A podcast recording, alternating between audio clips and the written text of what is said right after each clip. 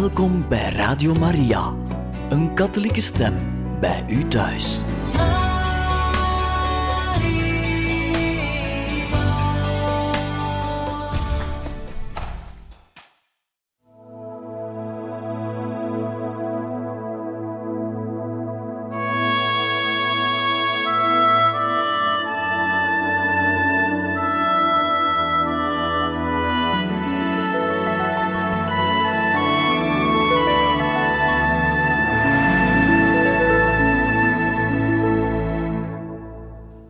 Goede vrienden, beste luisteraars van Radio Maria. Wij gaan in dit programma Heilige Getuigen verder met het voorlezen uit het leven van de heilige zuster Faustina.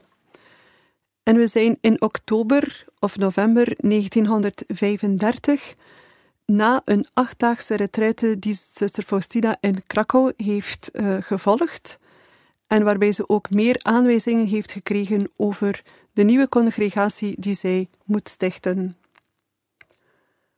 Toen zuster Faustina op een avond aan het schrijven was, hoorde zij een stem in haar cel. Er werd gezegd: Verlaat deze congregatie niet. Wees barmhartig voor jezelf. Er wacht je zo'n groot lijden. Toen ze in de richting keek van waar die stem kwam, zag zij niets. Ze ging door met schrijven. Plotseling hoorde ze een geluid en de woorden: Als je weggaat, zullen wij jou vernietigen. Martel ons niet. Ze wierp opnieuw een blik om zich heen en zag toen zeer veel lelijke monsters. In gedachten maakte ze een kruisteken en onmiddellijk verdwenen de monsters. Wat is Satan verschrikkelijk lelijk, schreef ze. De arme veroordeelde zielen die hem gezelschap moeten houden. Alleen al zijn aanblik roept meer afkeer op dan al de kwellingen van de hel. Jezus verzekerde haar er toen opnieuw van dat haar niets tegen zijn wil zou overkomen. Na deze woorden van de Heer stroomde er een wonderlijke kracht in haar ziel. Toen Faustina op een keer de kapel binnenkwam, kreeg zij een visioen van een gebouw dat in een vervallen toestand verkeerde. Ze hoorde de woorden: Hier zal het klooster komen. Het stelde haar enigszins teleur dat deze bouwval het klooster zou worden. Midden december verscheen Jezus aan Faustina toen ze in het broeikastje was en hij zei tegen haar: Schrijf op wat ik tegen je zeg. Het is mijn vreugde om met jou verenigd te zijn. Met groot verlangen wacht ik en ik zie uit naar de tijd waarin ik mij in het sacrament in jullie klooster zal vestigen. Mijn geest zal op dat klooster rusten en ik zal de omgeving ervan op een bijzondere manier zegenen. Uit liefde voor jullie allemaal zal ik alle straffen die door de rechtvaardigheid van mijn vader billig toegemeten worden, afwenden. Mijn dochter, ik heb mijn hart tot je verzoeken geneigd. Het is jouw opdracht en werk hier op aarde om voor de hele wereld om barmhartigheid te vragen. Er zal geen ziel gerechtvaardigd worden, totdat die zich met vertrouwen tot mijn barmhartigheid wendt. Daarom moet de eerste zondag na Pasen het feest van de barmhartigheid worden. Op die dag moeten de priesters aan iedereen over mijn grote en ondoorgrondelijke barmhartigheid vertellen. Ik maak jou de uitvoerster van mijn barmhartigheid. Zeg tegen de biechtvader dat de afbeelding in de kerk tentoongesteld moet worden en niet binnen de omheining van dat klooster. Door middel van deze afbeelding zal ik vele genaden aan de zielen verlenen. Laat ze dus voor iedere ziel toegankelijk zijn. Op 21 september vroeg Pater Sopocco aan Faustina of ze naar een zeker huis wilde gaan kijken om te zien of dat hetzelfde huis was als ze in haar visioen had gezien. Toen ze met hem meeging om het huis, of liever gezegd die bouwval, te bekijken, herkende ze het met één oogopslag. Alles kwam precies overeen met wat zij gezien had. De biechtvader sprak toen met haar over zijn ideeën, over de inrichting van de cellen en andere dingen. Opnieuw concludeerde ze dat alles precies overeenkwam met wat Jezus tegen haar gezegd had. Nadat ze weer thuisgekomen was, ging ze onmiddellijk naar de kapel om een ogenblik rust te hebben. Plotseling hoorde ze deze woorden in haar ziel: Vrees niets, ik ben met je. Deze zaken bevinden zich in mijn handen, en ik zal ze in overeenstemming met mijn barmhartigheid in vervulling laten gaan, want niets kan zich tegen mijn wil verzetten. Kerstmis 1935 De kersttijd van 1935 was voor Faustina een tijd van grote innerlijke vreugde en geluk. Ze luisterde naar Jezus en met heel haar hart leefde ze in de geest van kerstmis. Op de avond voor kerstmis was haar geest vanaf s morgens vroeg in God verzonken. Zijn tegenwoordigheid doordrong haar hele wezen. Op de eerste kerstdag hoorde ze na de heilige communie de woorden: Ik ben altijd in je hart. Niet alleen als je mij in de heilige communie ontvangt, maar altijd. Uit wat ze opschreef blijkt dat ze in een nieuwe graad van mystieke vereniging leefde. O heilige drie-eenheid, eeuwige God, mijn geest verdrinkt in uw schoonheid. De eeuwen zijn als niets in uw ogen. U bent altijd dezelfde. O, hoe groot is uw majesteit! Jezus, waarom verbergt u uw majesteit? Waarom hebt u uw hemelse troon verlaten en onder ons gewoond? De Heer antwoordde mij: Mijn dochter, liefde heeft mij hier gebracht, en liefde houdt mij hier. Mijn dochter, als je eens wist wat voor een grote verdienste en loon verkregen wordt door één enkele daad van zuivere liefde voor mij, je zou sterven van vreugde. Ik zeg dit, opdat jij jezelf voortdurend door liefde met mij zult verenigen, want dit is het doel van het leven voor je ziel. Deze daad is een act van de wil. Weet dat een zuivere ziel nederig is. Als jij je voor mijn majesteit vernedert en ontledigt, dan achtervolg ik jou met mijn genaden en gebruik ik mijn almacht om je te verhogen. En opnieuw, het inwendige van mijn ziel is als een grote en prachtige wereld waarin God en ik leven. Behalve God heeft er niemand toegang. Bij het begin van dit leven met God was ik verbijsterd en door ontzag overmand.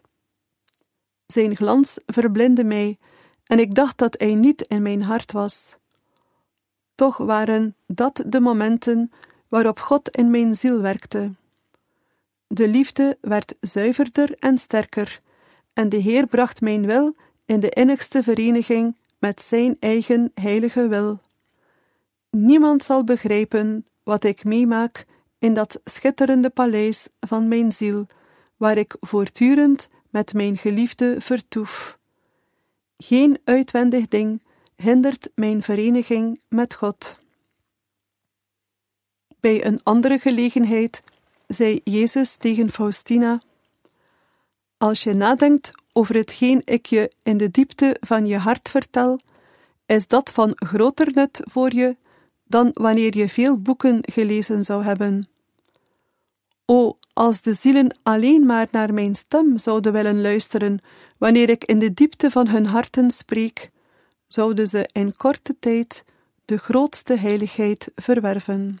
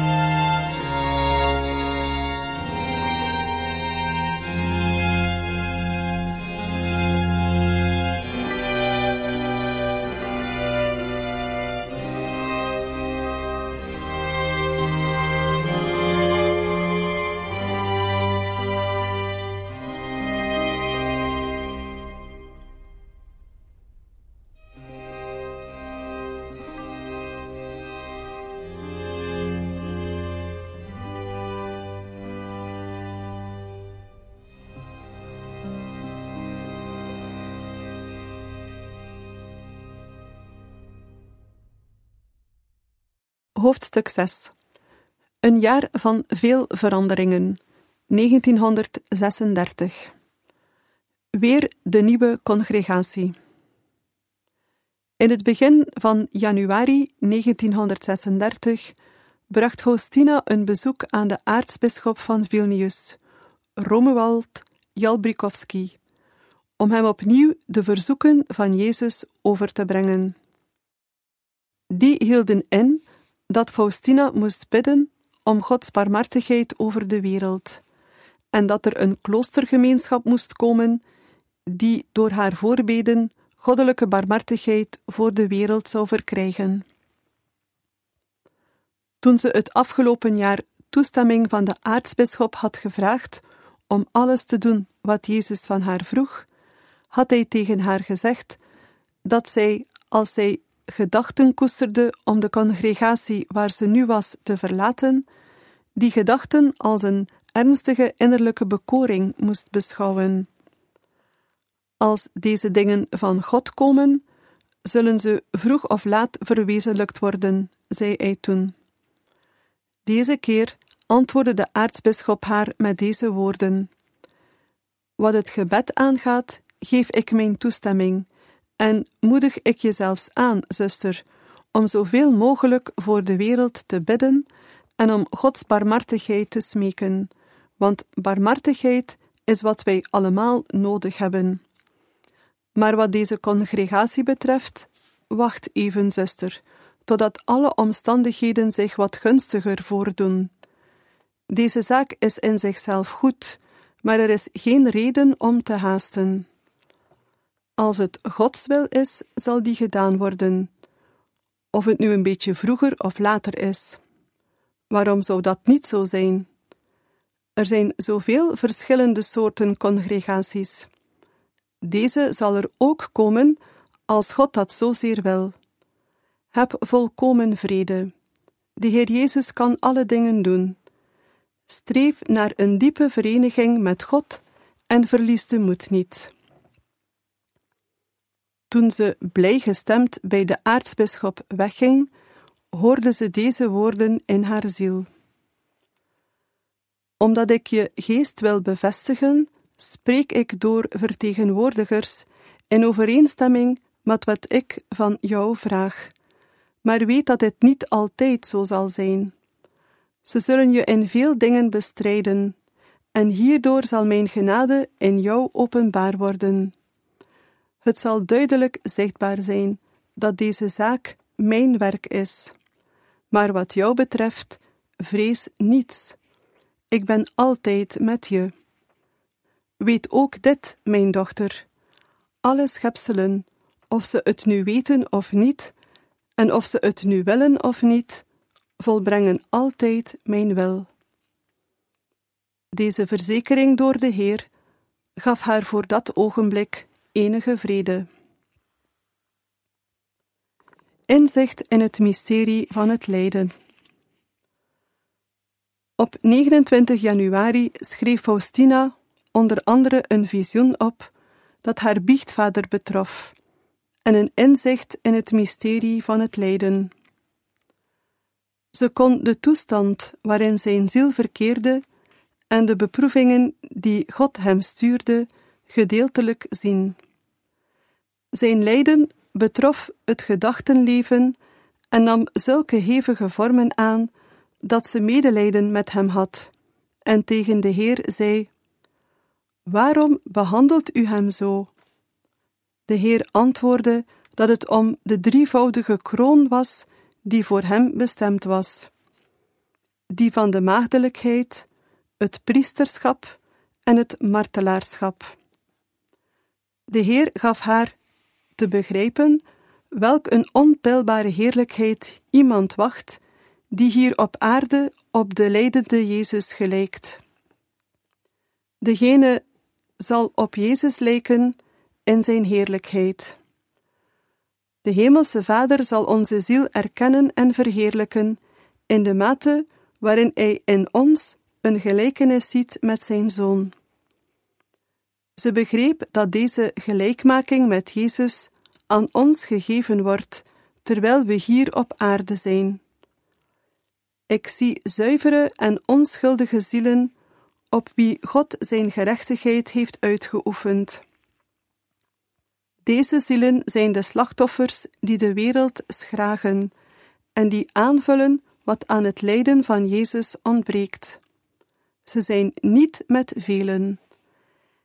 Ik verheug me er erg over dat God het mij toegestaan heeft zulke zielen te kennen, schreef ze.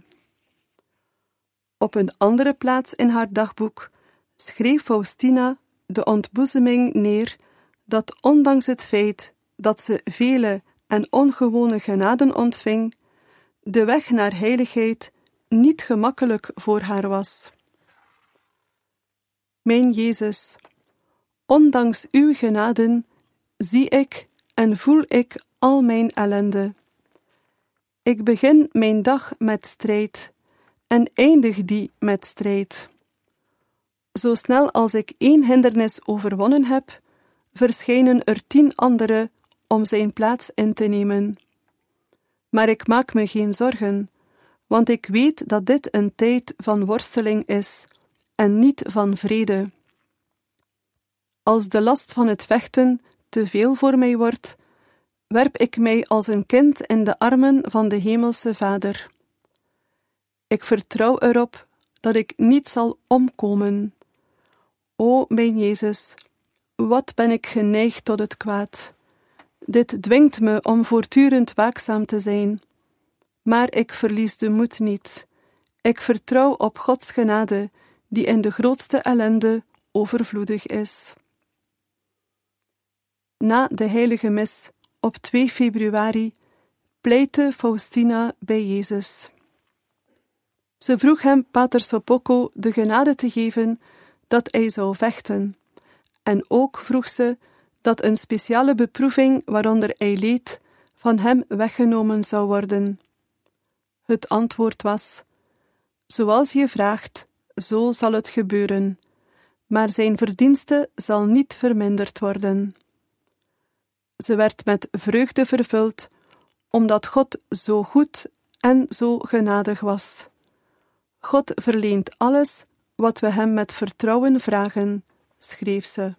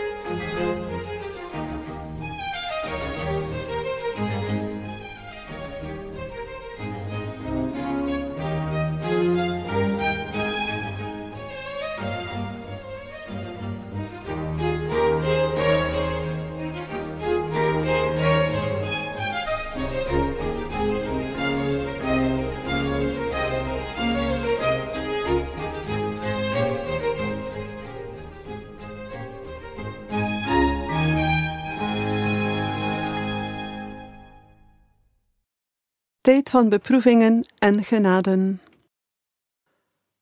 Op 1 maart 1936 kwam Faustina in een geestelijke strijd terecht, die verscheidene dagen duurde.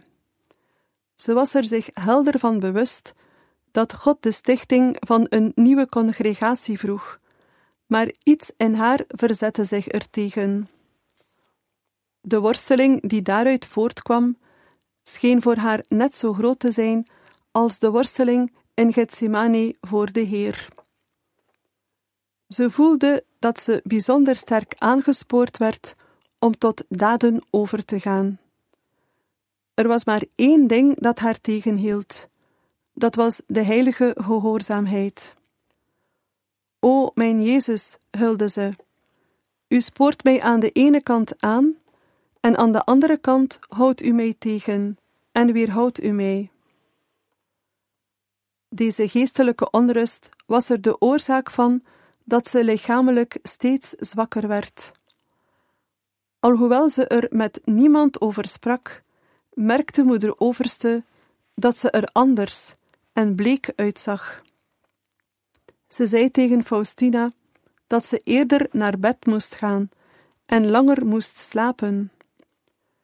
S'avonds liet ze iemand Faustina zelfs een beker warme melk brengen.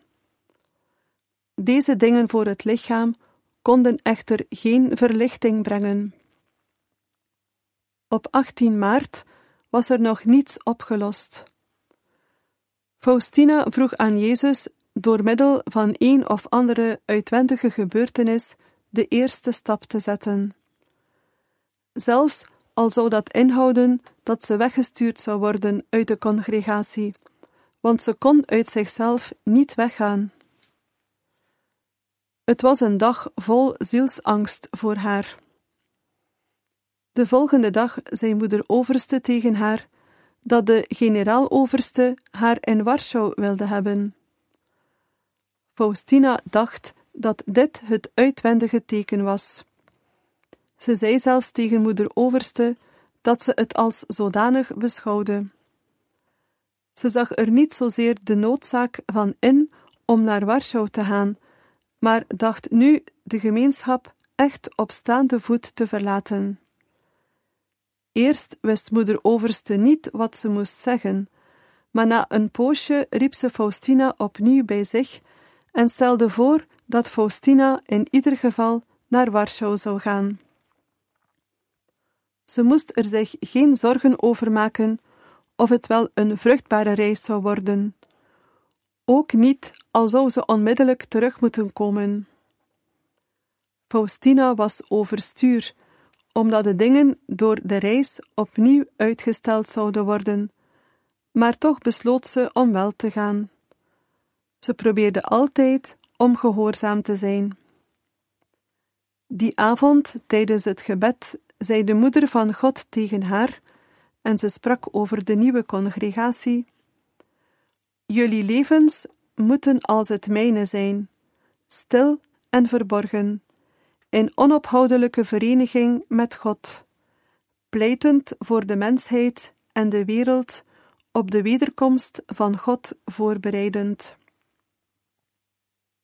Toen ze zich tijdens het lof met God de Vader verbonden wist, hoorde zij de woorden: Vrees niet, mijn dochter. Alle vijanden zullen voor mijn voeten verpletterd worden. Bij het horen van deze woorden kwam er een diepe vrede en een wonderlijke innerlijke rust in haar ziel. Op de avond voor haar vertrek uit Vilnius sprak een oudere zuster haar aan. Ze deelde Faustina een geestelijk probleem mee en vroeg haar of ze Jezus om een antwoord wilde vragen. Ze zei: Ik weet dat de Heer tot jou spreekt, zuster. Om zich van de hand die haar vastgreep los te kunnen maken, beloofde Faustina dat ze voor haar zou bidden. Ze hoorde die avond tijdens het lof deze woorden. Zeg haar dat haar ongeloof mijn hart meer verwondt dan alle zonden die zij gedaan heeft. Toen Faustina deze woorden aan haar doorgaf, hulde de overgelukkige zuster als een kind. Toen Faustina de volgende dag afscheid nam van de zusters, bleef een van hen zich verontschuldigen voor het feit dat ze Faustina zo weinig met haar werkzaamheden geholpen had. Behalve dat verontschuldigde ze zich ook nog daarvoor dat ze geprobeerd had de dingen moeilijker te maken voor Faustina. In haar dagboek maakte Faustina over de hele aangelegenheid deze opmerking. In mijn eigen hart beschouwde ik haar echter als een grote weldoenster, want ze had me in zo'n mate in geduld geoefend dat ze een van de oudere zusters een keer gezegd heeft: Zuster Faustina moet gek zijn, of een heilige, want echt, een gewoon mens zou het niet dulden dat iemand voortdurend zulke dingen uit kwaadaardigheid doet. Ik had haar echter altijd met welwillendheid benaderd. Die speciale zuster had geprobeerd mijn werk zo moeilijk te maken dat ze er, ondanks mijn inspanningen, soms in slaagde om schade toe te brengen aan wat goed gedaan was, zoals ze tegenover mij bij ons afscheid zelf toegaf en waarvoor ze mij om vergeving vroeg. Ik wilde nooit een onderzoek naar haar bedoelingen houden, maar aanvaarde het als een beproeving van God. Ik sta er heel erg verbaasd over dat iemand zo jaloers kan zijn. Als ik het goede zie van iemand anders, verheug ik mij erover, alsof het om het mijne ging. De vreugde van anderen is mijn vreugde, en het lijden van anderen is mijn lijden, want anders zou ik niet met de Heer Jezus om durven gaan. De geest van Jezus is altijd eenvoudig, zachtmoedig, oprecht. Alle kwaadaardigheid, jaloersheid en onvriendelijkheid, die onder een welwillende glimlach verborgen zitten, zijn listige kleine duivels. Een streng woord dat uit oprechte liefde voortvloeit, verwondt het hart niet. Faustina moet zonder het gezelschap van een medezuster naar Warschau gereisd zijn. Maar ze reisde niet alleen. Een geest van de zeven geesten die voor God staan en die weer net zo straalde als toen hij haar eerder verschenen was, zat de hele reis als een lichtgestalte naast haar. Faustina zag op iedere kerk die zij voorbij kwamen een engel die een zwakker licht uitstraalde dan de engel die haar vergezelde. En ieder van die geesten die de kerken bewaakte, boog zijn hoofd voor de geest die bij haar was. Toen ze in Warschau de kloosterpoort binnenging, verdween de geest. Faustina schreef in haar dagboek: Ik dankte God voor zijn goedheid, omdat hij ons engelen als gezelschap geeft. O, wat denken de mensen weinig over het feit na dat ze altijd zo'n gast naast zich hebben, die tegelijkertijd getuige van alles is. Denk eraan, zondaars, dat jullie op dezelfde manier een getuige van al je daden hebben. En toen voegde ze er de vertroostende gedachte aan toe. O mijn Jezus, uw goedheid gaat alle begrip te boven. Niemand zal uw barmhartigheid doen opraken. Verdoemenis is voor de ziel die verdoemd wil worden, maar voor degene die naar de redding verlangt, is daar de onuitputtelijke oceaan van de barmhartigheid van de Heer om uit te scheppen. Hoe kan een klein vat de onpeilbare oceaan bevatten? Op 22 maart kwam Faustina in Warschau aan. Ze ging eerst de kapel binnen om de Heer voor de veilige aankomst te danken en om zijn hulp en genade te vragen voor alles wat haar wachtte. Ze onderwierp zich in alles aan zijn heilige wil. Toen hoorde zij de woorden: Vrees niets, alle moeilijkheden zullen de uitvoering van mijn wil dienen. Op het feest van Maria Boodschap, dat drie dagen later gevierd werd, werd Faustina omringd door de tegenwoordigheid van God. Ze zag de grootheid van de oneindige God en eveneens dat hij zich verwaardigde om neer te dalen tot zijn schepselen. Toen zag ze de moeder van God, die haar de volgende ontzagwekkende boodschap gaf. O, hoe welgevallig aan God is de ziel die zich trouw richt naar de ingevingen van Zijn genade. Ik gaf de redder aan de wereld. Wat jou betreft, jij moet tot de wereld over Zijn grote barmhartigheid spreken en de wereld voorbereiden op Zijn wederkomst. Hij zal niet als een genadige heiland komen, maar als een rechtvaardige rechter. O, hoe vreselijk is die dag! De dag van de gerechtigheid, de dag van de goddelijke toren is vastgesteld. De engelen beven ervoor. Spreek tot de zielen over deze grote barmhartigheid, zolang het nog de tijd is om barmhartigheid te verlenen. Als je nu blijft zwijgen, zal je op die vreselijke dag over een groot aantal zielen verantwoording af moeten leggen. Vrees niets, wees getrouw tot het einde. Ik leef met je mee. Beste luisteraars van Radio Maria, wij beëindigen hier voor vandaag het voorlezen uit het leven van de heilige zuster Faustina. Wij danken u hartelijk voor het luisteren en graag tot een volgende keer.